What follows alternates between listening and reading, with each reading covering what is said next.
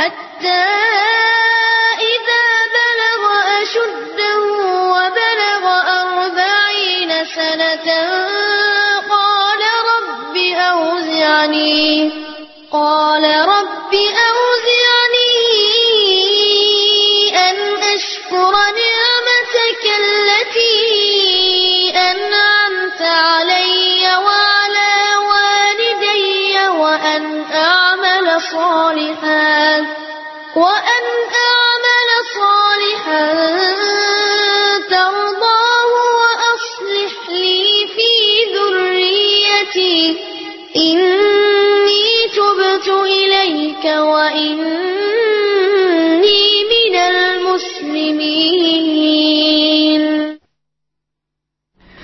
Assalamualaikum warahmatullahi wabarakatuh. Ikhwatal Islam, saudaraku seiman dan seakidah di mana pun anda berada Alhamdulillah, segala puji dan syukur senantiasa kita panjatkan hanya kepada Allah Azza wa Jal Atas begitu besar karunia nikmat yang kita rasakan di kesempatan sore hari ini.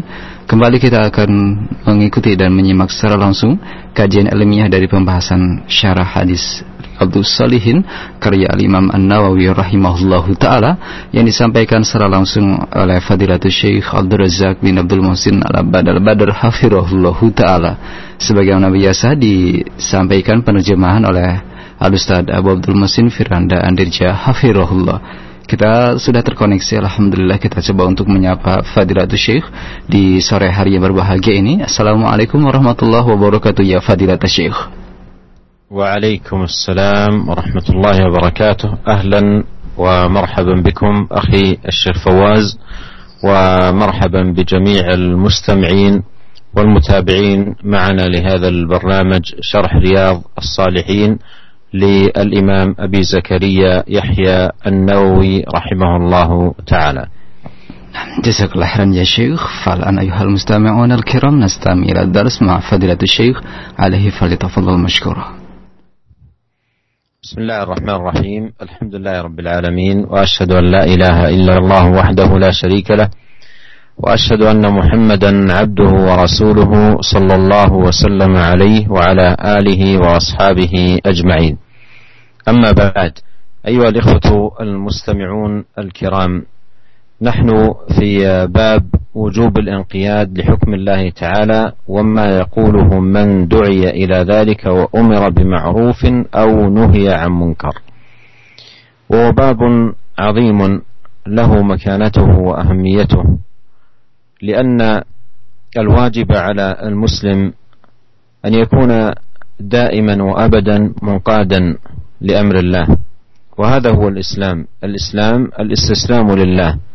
والانقياد لحكمه سبحانه وتعالى والامتثال لأمره والانتهاء عن نهيه. فالمصنف رحمه الله عقد هذه الترجمة لبيان وجوب الانقياد لحكم الله وما يقوله من دعي إلى ذلك وأمر بمعروف أو نهي عن منكر. من دعي إلى حكم الله عز وجل ما الذي عليه أن يقول؟ وكذلك من يدعى إلى معروف أو ينهى عن منكر.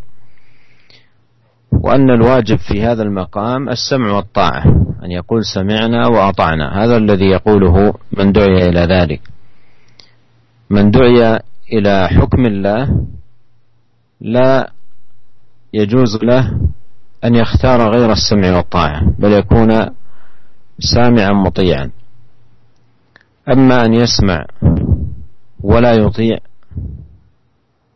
أو أنه لا يحرص على فهم ما يدعى إليه أو أنه يحاول التفلت من أحكام الله تبارك وتعالى فكل ذلك ليس من شأن المسلم ولا طريقه. وقد أورد رحمه الله أولا آيات من القرآن كما هي عادته. فأورد قول الله تعالى فلا وربك لا يؤمنون حتى يحكموك فيما شجر بينهم ثم لا يجدوا في أنفسهم حرجا مما قضيت ويسلموا تسليما. وهذه الآية واضحة في الدلالة على الترجمة حيث نفي الإيمان عمن لم يحكم النبي عليه الصلاة والسلام. وأن الواجب تحكيمه وألا يجد محكمه في نفسه حرجا مما قضاه النبي عليه الصلاة والسلام وأن يسلم تسليما أي تاما بدون تردد أو تمنع أو نحو ذلك. وأورد قول الله تعالى إنما كان قول المؤمنين إذا دعوا, إذا دعوا إلى الله ورسوله ليحكم بينهم أن يقولوا سمعنا وأطعنا وأولئك هم المفلحون. وهذا فيه الشاهد للشق الثاني من الترجمة لأن الترجمة لها شقان فهذا له شاهد للشق الثاني من الترجمة وهو ما يقوله من دعي إلى ذلك. قال أن يقولوا سمعنا وأطعنا. وهكذا ينبغي أن يكون المؤمن مع أوامر الله يسمع أي سماع فهم ودراية وأطعنا أن ينقاد ويمتثل لما سمعه وفهمه. فقوله سمعنا وأطعنا فيها جمع بين العلم والعمل. فيها جمع بين العلم والعمل. العلم في قوله سمعنا والعمل في قوله وأطعنا. قال وفيه من الأحاديث حديث أبي هريرة المذكور في أول الباب قبله أي باب الأمر بالمحافظة على السنة. وغيره من الأحاديث فيه أي في الباب السابق وقد مرت معنا هذه الأحاديث والكلام عن معانيها قريبا. Bismillahirrahmanirrahim. Alhamdulillah segala puji dan syukur kita panjatkan kehadirat Allah Subhanahu wa taala atas segala limpahan karunia yang Allah berikan kepada kita. Kita bersaksi bahwasanya tidak ada sembahan yang berhak untuk diserahkan ibadah dan ketundukan kecuali Allah Subhanahu wa taala. Dan kita bersaksi bahwasanya Rasulullah sallallahu alaihi wasallam Muhammad adalah hamba Allah dan utusannya. Semoga salawat dan salam senantiasa tercurahkan kepada beliau dan juga kepada uh, keluarga beliau serta seluruh sahabat beliau tanpa terkecuali. Para pendengar yang dirahmati oleh Allah Subhanahu wa taala, kita telah sampai pada bab wujubul inqiyad li taala. Wajibnya untuk tunduk terhadap hukum Allah Subhanahu wa taala. Wa ma yaquluhu man du'iya ila wa umira bi ma'rufin aw nuhiya an munkar. Dan apa yang harusnya diucapkan oleh seseorang yang diseru kepada hukum Allah, kepada hukum Allah dan disuruh untuk mengerjakan amar ma'ruf atau dilarang dari kemungkaran. Apa yang harus dia ucapkan? Bab ini merupakan bab yang penting dan urgen ya. Karena yang wajib bagi seorang muslim untuk senantiasa tunduk kepada hukum Allah Subhanahu wa taala. Senantiasa dan selalu tunduk kepada hukum Allah Subhanahu wa taala, tunduk kepada perintah Allah Subhanahu wa taala. Dan ketundukan inilah hakikat daripada Islam. Karena kita tahu Islam dari istislam yaitu pasrah dan tunduk menyerahkan diri terhadap hukum-hukum Allah Subhanahu wa taala. Tunduk tatkala diperintahkan oleh Allah Subhanahu wa taala dan tunduk tatkala dilarang untuk menjauhi larangan-larangan Allah Subhanahu wa taala. Imam Nawawi rahimahullah dalam bab ini ya menjelaskan tentang wajibnya kita tunduk kepada hukum Allah dan juga menjelaskan tentang apa sih yang wajib diucapkan oleh seorang tatkala diperintahkan untuk e, berhukum dengan hukum Allah dan diperintahkan untuk melaksanakan kema'rufan dan menjauhi perkara yang mungkar. Yang wajib yaitu dia adalah mendengar dan taat, mendengar dan taat. Dan dia mengatakan sami'na wa ata'na, kami dengar dan kami taat. Barang siapa yang diajak untuk berhukum dengan hukum Allah Subhanahu wa taala, ya, maka tidak boleh bagi dia untuk memilih pilihan yang lain. Dia hanya boleh mendengar dan taat. Itulah seorang muslim.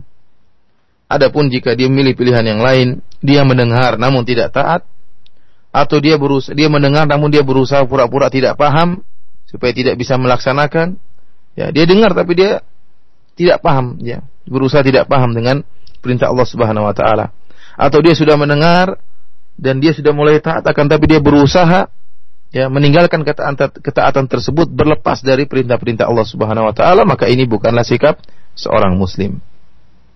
Al-Imam Nawawi rahimahullah sebagaimana e, kebiasaan beliau dalam setiap bab beliau membawakan pertama kali ayat dari Al-Qur'an, kemudian baru membawakan hadis-hadis Rasulullah sallallahu alaihi wasallam.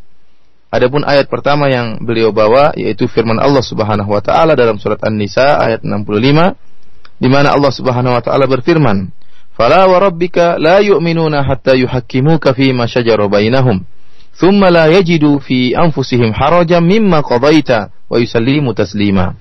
Ya. Demi Rabb engkau, sungguhnya mereka tidak beriman sampai mereka menjadikan engkau sebagai hakim atas perkara yang mereka perselisihkan di antara mereka Kemudian mereka tidak mendapati dalam diri diri mereka keberatan terhadap apa yang engkau putuskan dan mereka menerima dengan penuh penerimaan terhadap keputusanmu. Para pendengar yang dirahmati oleh Allah Subhanahu wa taala, ayat ini sangat jelas, sangat wadihah ya, menjelaskan tentang judul bab yang sedang kita bahas kali ini.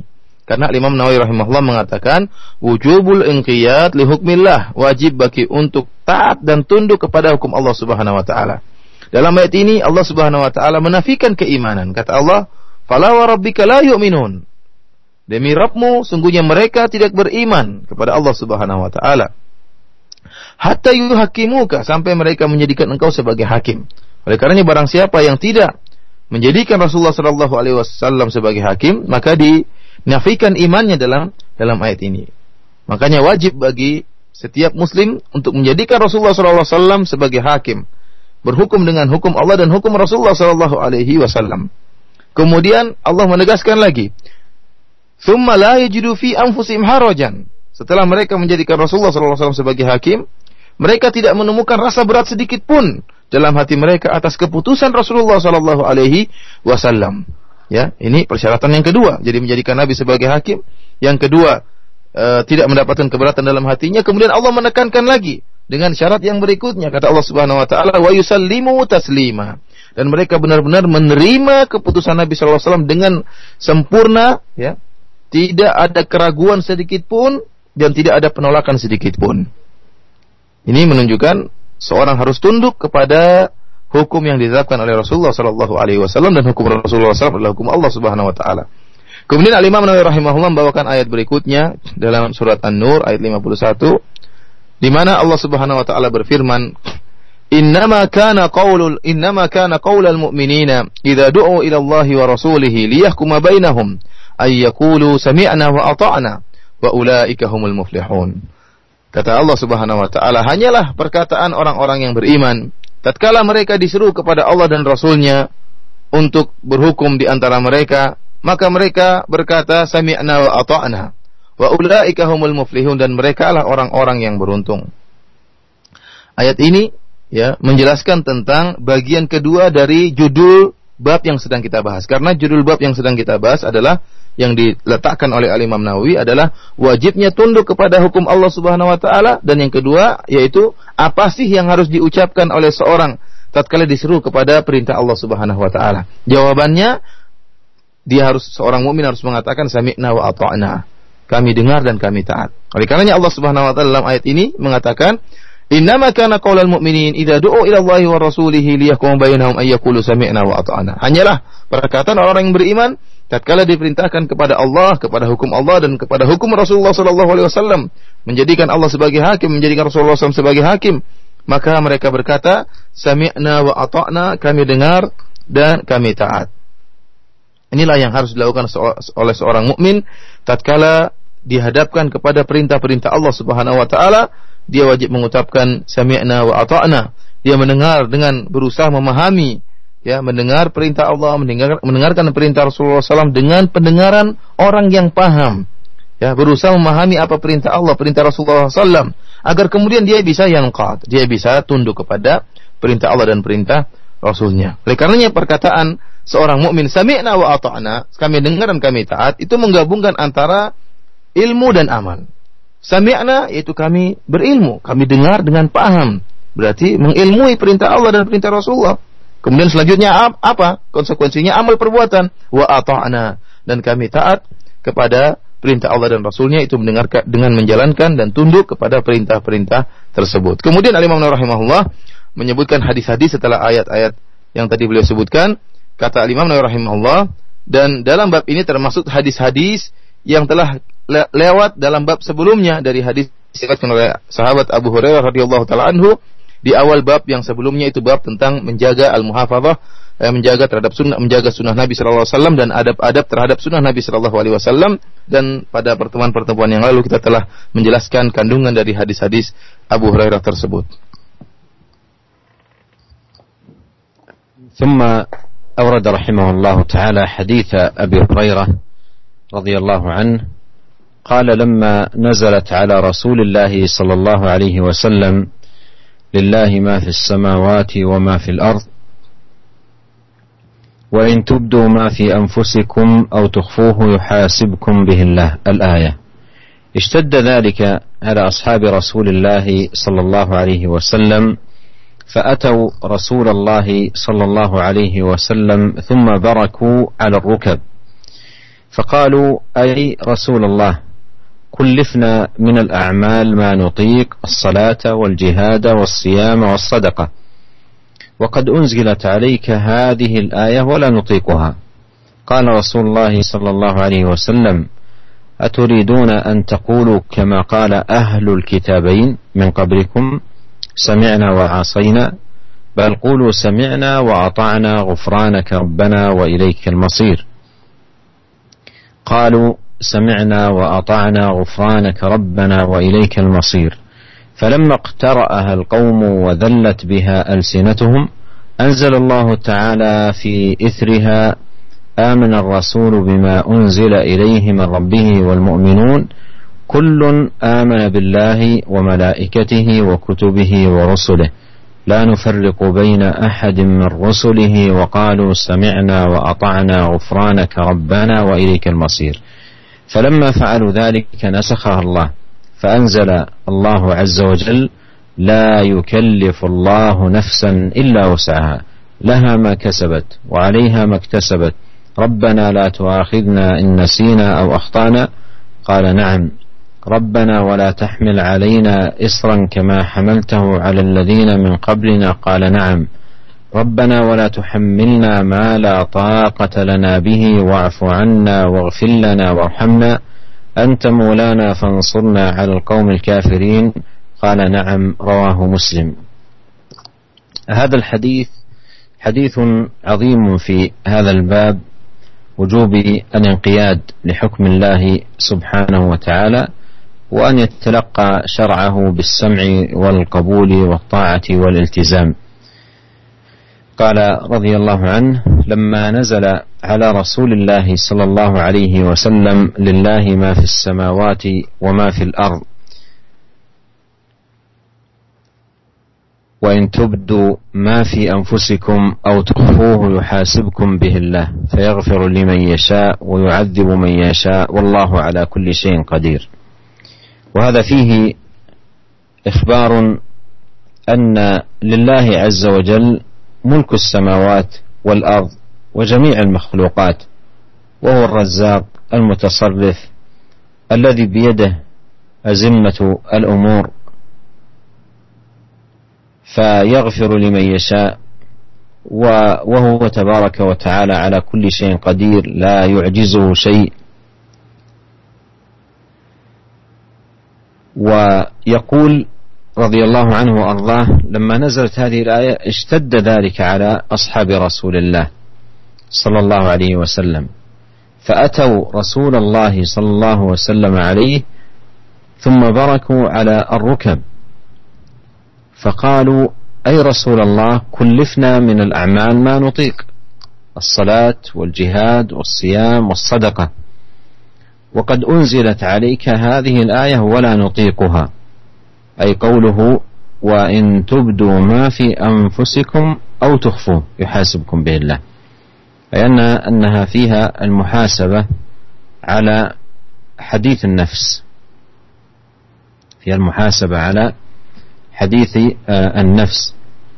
فهذا الذي فهموه من الآية فشق ذلك الأمر على المسلمين. حينما توقعوا وتوهموا أن ما يقع في القلب من الأمور اللازمة أو العارضة آه، وغيرها أنهم مؤاخذون به. أنهم مؤاخذون به. فأخبروا النبي عليه الصلاة والسلام بأن هذا شيء لا يطيقه آه، الإنسان. كلفنا من الأعمال ما لا نطيق. فقال الرسول عليه الصلاة والسلام أتريدون أن تقولوا كما قال أهل الكتابين من قبلكم سمعنا وأطعنا؟ أي هذه كانت حال اليهود والنصارى فيما يأمرهم الله سبحانه وتعالى به يقولون سمعنا وعصينا لا يستجيبون ولا ينقادون. قال أتريدون أن تكونوا كما قال أهل الكتابين من قبلكم سمعنا وعصينا بل قولوا سمعنا وأطعنا. غفرانك ربنا وإليك المصير. وقوله غفرانك أي اغفر لنا يا ربنا. لأن من يسمع ويطيع لا بد أن يقع في شيء من القصور فناسب ذكر المغفرة. وقوله وإليك المصير أي المرجع إليك يا الله. فالصحابة مباشرة أعلنوا انقيادهم وطاعتهم واستسلامهم فقالوا سمعنا وأطعنا غفرانك ربنا وإليك المصير. فلما اقترأها القوم وذلت بها ألسنتهم اقترأها أي قرأوها وذلت انقادت بالاستسلام والطاعية والامتثال. أنزل الله في إثرها آمن الرسول بما أنزل إليه من ربه والمؤمنون كل آمن بالله وملائكته وكتبه ورسله. لا نفرق بين أحد من رسله وقالوا سمعنا وأطعنا غفرانك ربنا وإليك المصير. وهذا فيه أن الرسول عليه الصلاة والسلام وأتباعه المؤمنون به كلهم آمنوا وانقادوا وأطاعوا وامتثلوا وحققوا أصول الإيمان العظيمة من الإيمان بالله والإيمان بالملائكة والإيمان بالكتب والإيمان بالرسل والإيمان باليوم الآخر. وهذه أصول الإيمان التي عليها قيامه. فآمنوا بذلك وفي الوقت نفسه انقادوا ممتثلين ومطيعين لأوامر الله سبحانه وتعالى. فلما فعلوا ذلك نسخها الله فأنزل لا يكلف الله نفسا إلا وسعها. لها ما كسبت وعليها ما اكتسبت. ربنا لا تؤاخذنا إن نسينا أو أخطأنا. نسخها أي نسخ قوله إن تبدوا ما في أنفسكم أو تخفوه. قوله تعالى لا يكلف الله نفسا إلا وسعها. أي أن آه، ما يكلف الله سبحانه وتعالى به ويحاسب العباد عليه إنما هو بقدر الوسع والطاقة. لها ما كسبت وعليها ما اكتسبت. ربنا لا تؤاخذنا إن نسينا أو أخطأنا. أي لا تؤاخذنا على ما وقع منا على سبيل النسيان أو وقع على سبيل الخطأ للتعمد. قال الله نعم أي فعلت. ثم ذكر هذه الدعوات العظيمات ربنا ولا تحمل علينا إصرا كما حملته على الذين من قبلنا. قال نعم. ولا تحمل علينا إصرا أي أعمالا آه، فيها آه، المشقة كما هو الحال في الأمم التي كانت من آه، قبلنا. فقال الله نعم أي فعلت. ثم قال ربنا ولا تحملنا ما لا طاقة لنا به واعف عنا واغفر لنا وارحمنا. أنت مولانا فانصرنا على القوم الكافرين. وهذه دعوات عظيمات مستجابات ولهذا قال نعم. وهذه الآيات قراءتها كل ليلة أمر مستحب ندبت إليه الشريعة وحث عليه النبي عليه الصلاة والسلام. وذلك في قوله من قرأ بالآيتين من آخر سورة البقرة في ليلة كفتاه فيستحب للمسلم أن يقرأها وأن يستحضر ما تدل عليه من المعاني والدلالات وأن يظفر بهذه الدعوات الكريمات التي اشتملت عليها هذه الآية ويواظب على هذه القراءة كل ليلة محققا هذه الأصول العظيمة والقواعد المتينة وأيضا عاملا وممتثلا ومنقادا لأمر الله سبحانه وتعالى يجاهد نفسه على أن تكون حاله كحال الصحابة الكرام الذين قالوا سمعنا وأطعنا غفرانك ربنا وإليك المصير ألحقنا الله جميعا بالصالحين من عباده وهدانا إليه الصراط المستقيم وأصلح لنا شأننا كله إنه سميع قريب مجيب.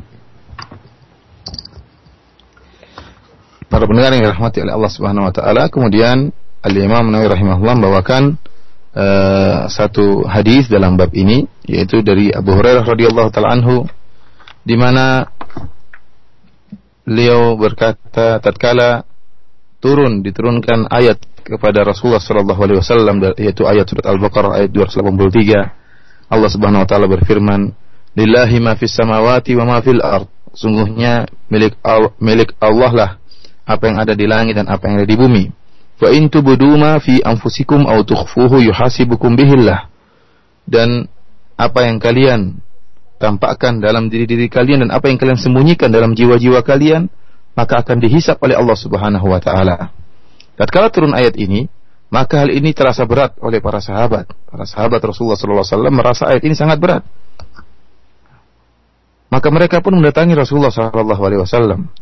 Kemudian mereka berlutut uh, ber, apa, uh, berlutut ya duduk di atas lutut mereka di atas lutut, lutut mereka kemudian mereka berkata wahai Rasulullah sungguh kami telah dibebani dengan amalan-amalan yang kami mampu seperti salat dan jihad dan puasa serta sedekah akan tapi telah diturunkan kepada engkau ayat ini dan kami tidak mampu untuk melakukannya maksud dari para sahabat yaitu firman Allah Subhanahu wa taala wa in tubdu ma fi anfusikum aw tukhfuhu yuhasibukum bihillah. Apa yang kalian tampakkan dan apa yang kalian sembunyikan dalam diri kalian pun akan dihisap oleh Allah Subhanahu wa taala. Maka Rasulullah SAW berkata, Aturiduna an taqulu kama qala ahlul kitabain min qablikum? Sami'na wa asayna?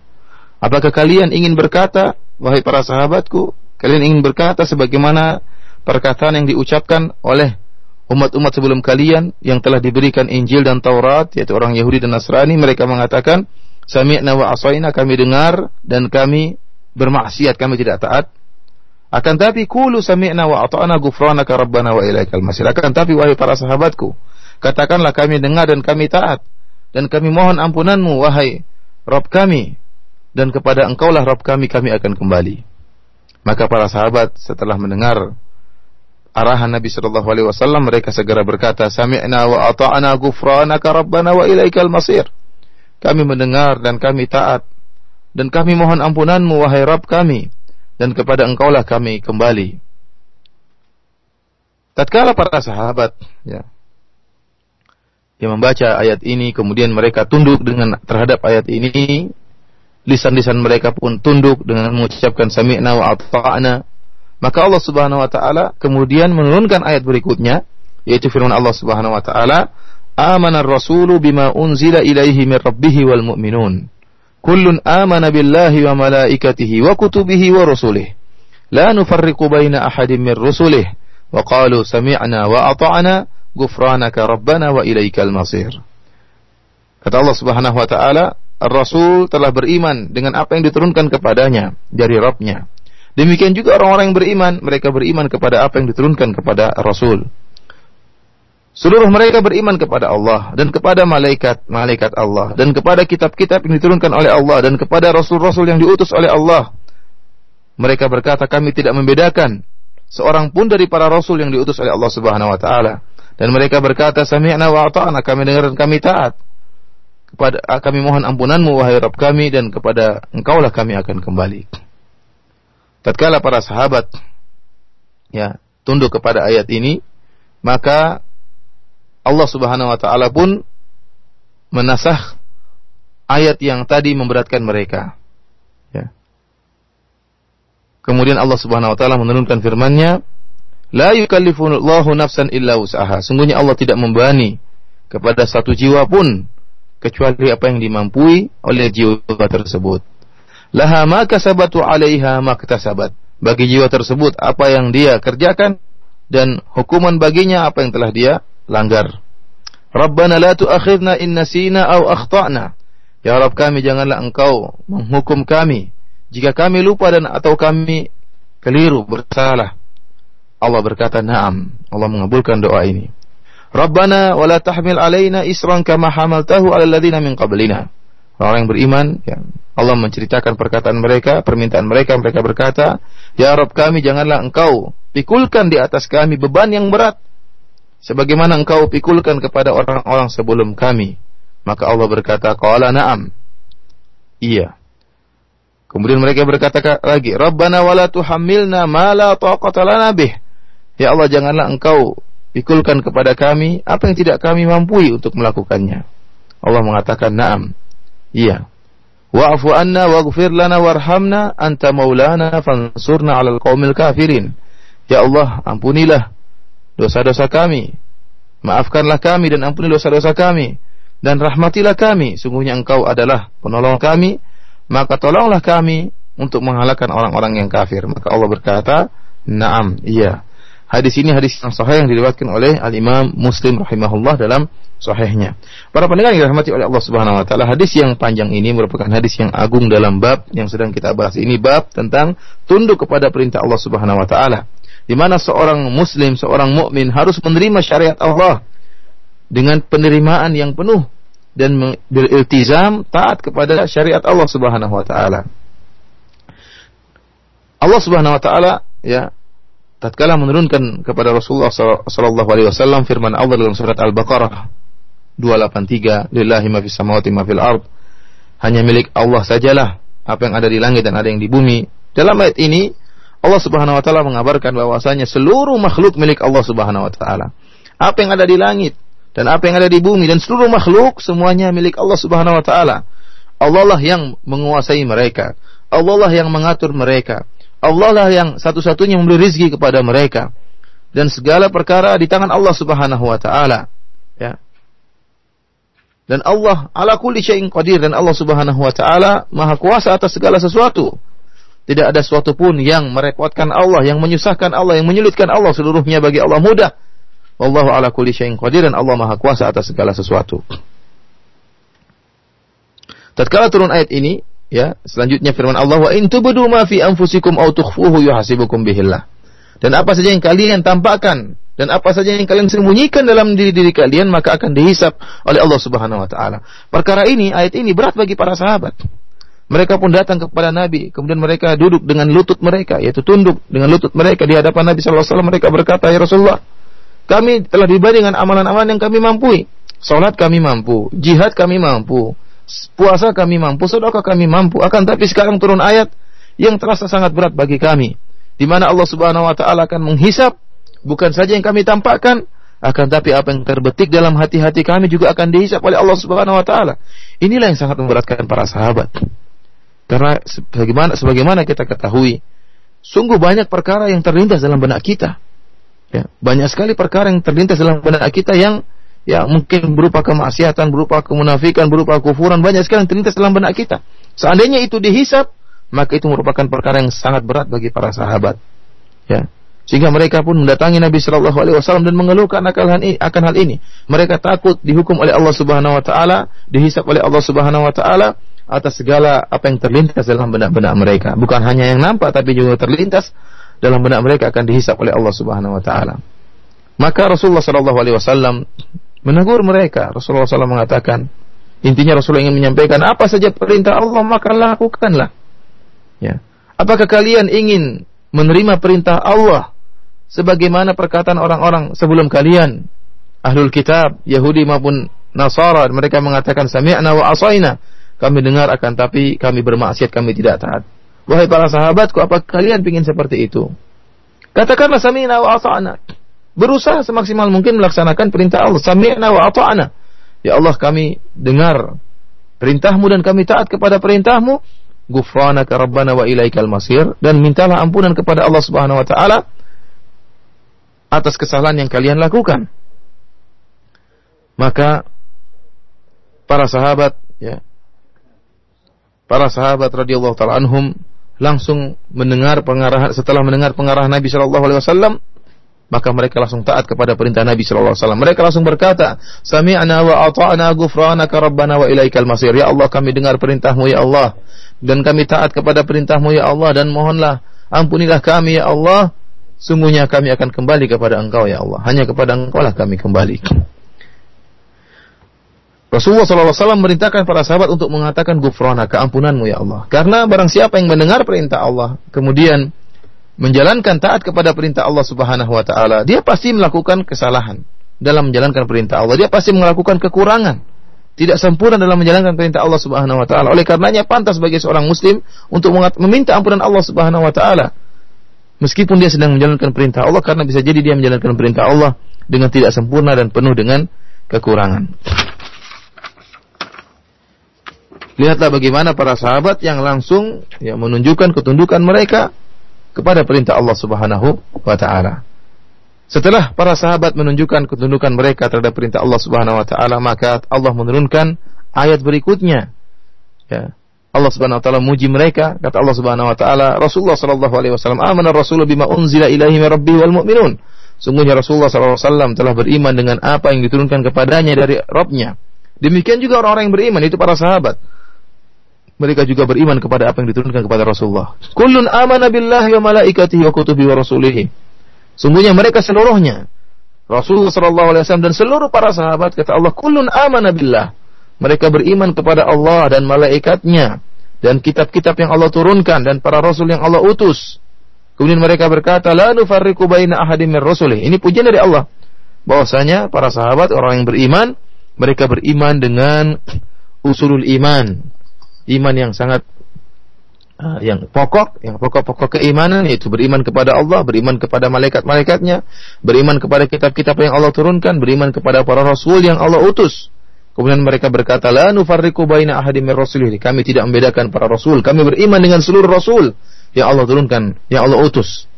Wa qalu sami'na wa ata'na ghufranaka rabbana wa ilaikal masir. Dan mereka berkata, kami dengar dan kami taat dan kami mohon ampunanmu wahai Rabb kami dan hanya kepada engkaulah tempat kami kembali. Kemudian Allah Subhanahu wa taala setelah para sahabat tunduk kepada perintah Allah Subhanahu wa taala dan menunjukkan ketundukan mereka bahwasanya mereka dengar dan taat, maka kata Abu Hurairah radhiyallahu taala anhu, tatkala mereka melakukan demikian, maka Allah mem memberi hukum mansuh kepada ayat sebelumnya. Kita tahu ayat sebelumnya yang memberatkan para sahabat yaitu firman Allah Subhanahu wa taala apa yang kalian tampakkan akan dihisap oleh Allah demikian juga apa yang kalian sembunyikan. Ya. Apa saja yang kalian sembunyikan pun akan dihisap oleh Allah Subhanahu wa taala. Maka Allah Subhanahu wa taala menjelaskan bahwasanya ya meskipun demikian akan tapi Allah Subhanahu wa taala tidaklah membebani seorang hamba kecuali yang di, yang dimampu oleh seorang hamba. Apa yang di luar kemampuan seorang hamba tidak akan dihukum oleh Allah Subhanahu wa taala. Ya yang dihukum oleh Allah Subhanahu wa taala itu yang mampu dikerjakan oleh seorang hamba. Jika tidak mampu dikerjakan oleh seorang hamba dan dia sudah berusaha, maka tidak akan dihukum oleh Allah Subhanahu wa taala. Allah Subhanahu wa taala menurunkan firman-Nya, "La yukallifullahu nafsan illa wus'aha." Sungguhnya Allah tidak membani satu jiwa pun kecuali apa yang dimampui oleh jiwa tersebut. Laha ma kasabat wa 'alaiha ma Bagi jiwa tersebut apa yang dia kerjakan dan hukuman baginya apa yang dia langgar. Dari kesalahan yang dia lakukan. Kemudian orang-orang beriman berdoa kepada Allah Subhanahu wa taala sebagaimana dihikayahkan oleh Allah, "Rabbana la tu'akhidna in nasina aw akhtana." Ya Rabb kami, janganlah Engkau menghukum kami jika kami lupa atau kami melakukan kesalahan. Allah menjawab doa tersebut, Allah mengatakan, "Na'am." Ya. Yaitu Allah kabulkan doa tersebut. Yaitu jika seorang melakukan kesalahan karena lupa atau karena melakukan dosa karena kesalahan, maka akan diampuni oleh Allah Subhanahu wa taala. Kemudian doa mereka berikutnya, Rabbana wala tahmil alaina isran kama hamaltahu alladziina min qablina. Ya Allah, janganlah Engkau letakkan di punggung kami suatu beban yang berat sebagaimana Engkau letakkan di atas punggung orang-orang sebelum kami. Kita tahu bahwasanya orang-orang ke umat-umat terdahulu dibebani dengan beban yang sangat berat. Oleh karenanya kita umat Muhammad sallallahu alaihi wasallam berdoa kepada Allah agar tidak dibebani dengan beban yang berat yang pernah Allah pikulkan kepada umat-umat sebelumnya. Allah pun mengabulkan permintaan ini. Allah mengatakan na'am. Ya. Kemudian mereka berdoa lagi. Rabbana la tuhamilna ma la. Ya Allah, janganlah kau bebankan kepada kami apa yang tidak kami mampu. Allah mengabulkan doa ini dan Allah mengatakan na'am. Iya. Kemudian mereka berdoa Wa'fu anna waghfir lana warhamna ya Allah maafkanlah kami dan ampunilah dosa-dosa kami dan rahmatilah kami. Anta maulana fansurna 'alal qaumil kafirin. Engkau sungguhnya adalah penolong kami, maka tolonglah kami untuk mengalahkan orang-orang yang kafir. Maka Allah menjawab, "Na'am." Ini merupakan doa-doa yang sangat agung ya yang uh, diucapkan oleh orang beriman kepada Allah Subhanahu wa taala dan Rasulullah sallallahu alaihi wasallam menganjurkan kita untuk membaca dua ayat terakhir dari surat Al-Baqarah ini untuk dibaca setiap malam. Hukumnya sunnah. Ya, barang siapa yang baca dua ayat ini, ya, itu dua ayat dari terakhir akhir surat Al-Baqarah setiap malamnya, kata Nabi SAW, kafatah, maka dua ayat ini akan mencukupkan bagi dia, yaitu akan uh, di, dengan sebab dua ayat ini maka Allah akan menjaga orang yang baca dua ayat ini. Tentunya bukan hanya sekedar dibaca, tetapi dibaca dengan dipahami dan direnungkan maknanya dan kemudian berusaha untuk diamalkan kandungan-kandungan yang terdapat dalam ayat uh, tersebut. Ya, semoga Allah Subhanahu wa taala menjadikan kita orang-orang yang tunduk kepada perintah Allah Subhanahu wa taala yang tatkala datang perintah Allah kita mengatakan sami'na wa ata'na, kami dengar dan kami taat dan semoga Allah Subhanahu wa taala menjadikan kita orang-orang yang berusaha untuk bisa meniru para sahabat yang mereka senantiasa tunduk kepada perintah Allah Subhanahu wa taala dan semoga Allah mengikut sertakan kita dengan orang-orang yang solehin. Demikianlah para pendengar yang dirahmati Allah Subhanahu Wa Taala. Uh, selanjutnya kalau ada yang bertanya kami persilakan. Jazakallah khairan Fadilatul Syekh atas muhadharah atau darsi yang disampaikan. Juga untuk Al-Ustaz Abu Abdul Muhsin Firanda yang telah menerjemahkan. Untuk selanjutnya kami akan berikan kesempatan bagi para pendengar yang akan bertanya di kesempatan uh, beberapa menit sebelum adzan berkumandang di uh, salat maghrib kita di kesempatan sore hari ini. Silahkan bisa hubungi kami di 0218236543 untuk bertanya secara langsung kepada Syekh dan kami cap, uh, sapa untuk yang pertama. Halo assalamualaikum. Waalaikumsalam warahmatullahi wabarakatuh. Silakan bapak dari mana? Abu Sofwan Jakarta. Iya bapak. Silakan Pak Abu Sofwan. Di surat Al-Baqarah 284 di sini Allah mengatakan jika kamu menyatakan apa yang ada dalam hatimu atau kamu sembunyikan ini di sini sahabat menyatakan keberatan. Apakah ini karena kejujuran sahabat itu merasakan keberatan ini. Jazakallah khairan. Assalamualaikum warahmatullahi wabarakatuh. Nah, Waalaikumsalam warahmatullahi wabarakatuh. Terima kasih Pak Abu Sufwan. Silakan Ustaz.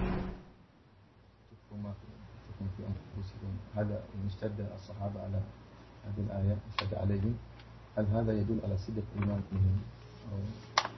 ماذا يدل على لماذا هذا يدل على شدة حرص الصحابة رضي الله عنهم على العمل بأوامر الله ومتانة دينهم وقوة تمسكهم. ولهذا جاءوا للنبي عليه الصلاة والسلام مخبرين بذلك. فهذا الذي جاءوا به ليس رغبة في ترك العمل وإنما حرص على العمل والعناية به فلا شك أن الآية تدل على متانة إيمانهم وقوة دينهم وشدة تمسكهم بأوامر الله Syekh menjelaskan bahwasanya justru tatkala para sahabat datang menunjukkan beratnya mereka menghadapi ayat ini justru menunjukkan akan semangat para sahabat untuk menjalankan segala perintah Allah Subhanahu wa taala dan menunjukkan akan kuatnya agama mereka. Oleh karenanya mereka pun datang menemui Nabi menjelaskan bahwasanya sulit menjalankan ayat ini. Artinya seluruh perintah-perintah Allah mereka bisa melakukan. Yang ini berat ya. Menunjukkan semangat mereka untuk bisa menjalankan ayat ini akan tapi mereka merasa uh, berat dalam menjalankannya.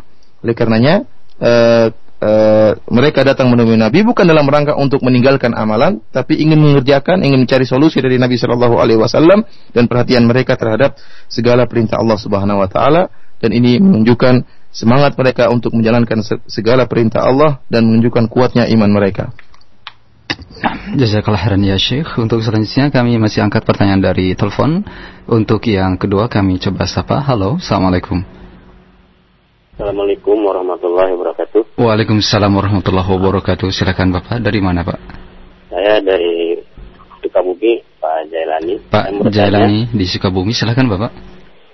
Uh, ayat yang tadi surat Al-Baqarah 22 hmm. ayat berapa tadi? Walillahi maafis samawati wal hmm. itu ya. Saya biasakan baca setelah salat maghrib dan subuh. Bagaimana itu sesuai dengan sunnah? Hmm. Ya, itu Pak. Baik. Saja Pak. Terima kasih. Assalamualaikum nah. warahmatullahi wabarakatuh. Waalaikumsalam warahmatullahi wabarakatuh. Silakan Ustaz. Ada mana أتعود أن أقرأها بعد maghrib بعد fajr. هذا صحيح؟ آه، ورد آه، قراءتهما كل ليلة. من آه، قرأ بالآيتين من آخر سورة البقرة في ليلة كفتاه والحديث آه، آه، الوارد في هذا الباب مختص بالليل. بعض أهل العلم استحب أيضا آه، ذلك في الصباح التماسا لهذا الفضل الذي هو الكفاية في اليوم كما تكون أيضا الكفاية في الليل لكن الحديث إنما هو في المساء أو في الليل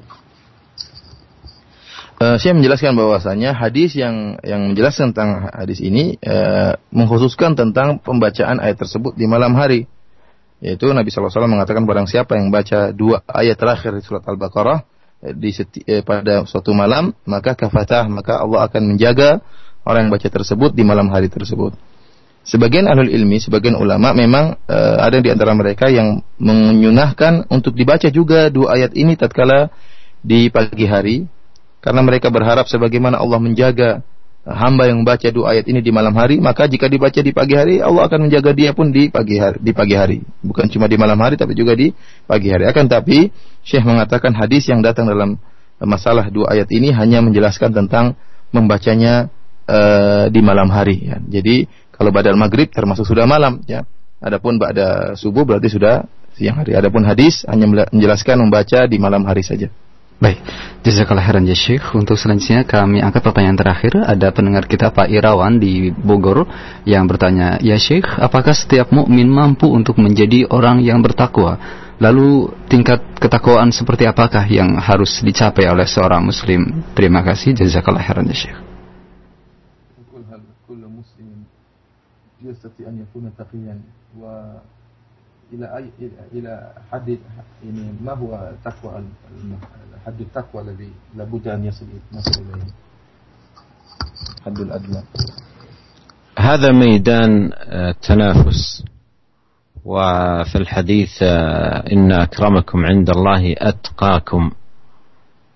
آه، في الآية الكريمة إن أكرمكم عند الله أتقاكم. وسئل عليه الصلاة والسلام في الحديث آه، من آه، الأكرم؟ قال الأتقى لله. فهذا ميدان للتنافس وأتقاكم هذا أفعل تفضيل يدل على التفاوت بين الناس في التقوى. وتقوى الله هي العمل بطاعة الله. على نور من الله رجاء ثواب الله وترك لمعصية الله على نور من الله خيفة عذاب الله. فهذا ميدان آه، منافسة وفي ذلك فليتنافس المتنافسون.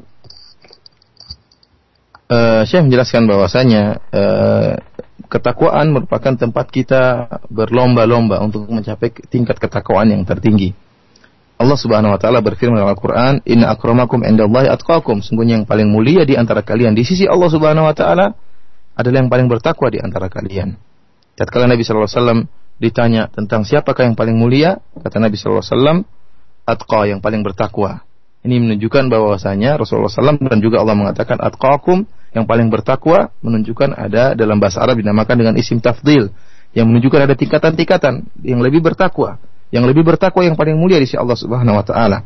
Yang ini memberi motivasi kepada kita untuk semakin bertakwa dan semakin bertakwa dan meningkatkan ketakwaan kita karena semakin tinggi ketakwaan kita maka semakin eh, mulia kita di sisi Allah Subhanahu wa taala dan takwa sebagaimana definisi yang disebut oleh para ulama yaitu menjalankan perintah Allah Subhanahu wa taala di atas cahaya dari Allah Subhanahu wa taala ya karena mengharapkan ganjaran dari Allah Subhanahu wa taala dan meninggalkan larangan Allah Subhanahu wa taala di atas petunjuk dari Allah Subhanahu wa taala karena takut dari azab Allah Subhanahu wa taala. Barang siapa yang mengerjakan hal ini, semakin menjalankan perintah Allah, semakin jauh dari larangan Allah, maka tingkat ketakwaannya semakin tinggi. Allah Subhanahu wa taala berfirman, "Wa fi dzalika falyatanafasul mutanafisun." Pada perkara seperti ini maka hendaknya kita berlomba-lomba.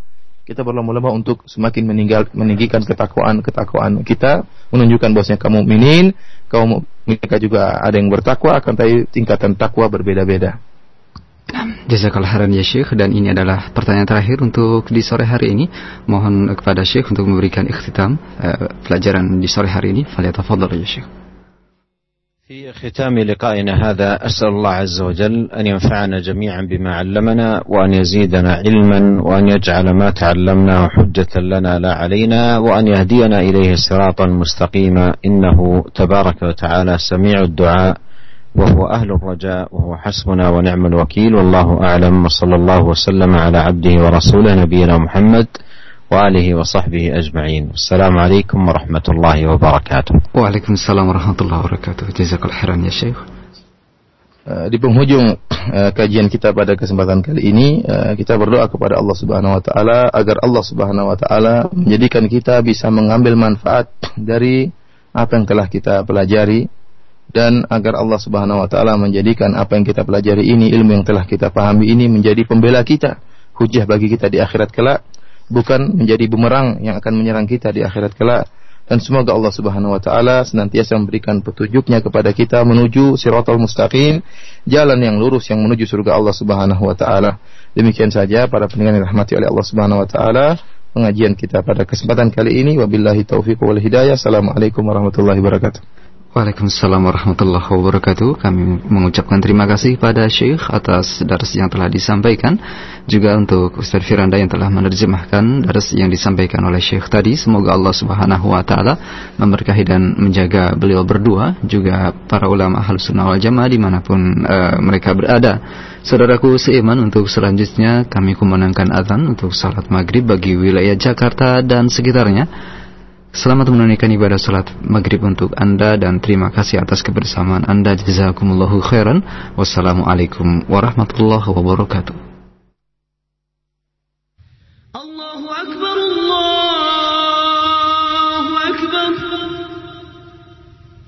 Allahu Akbar. Ashhadu an la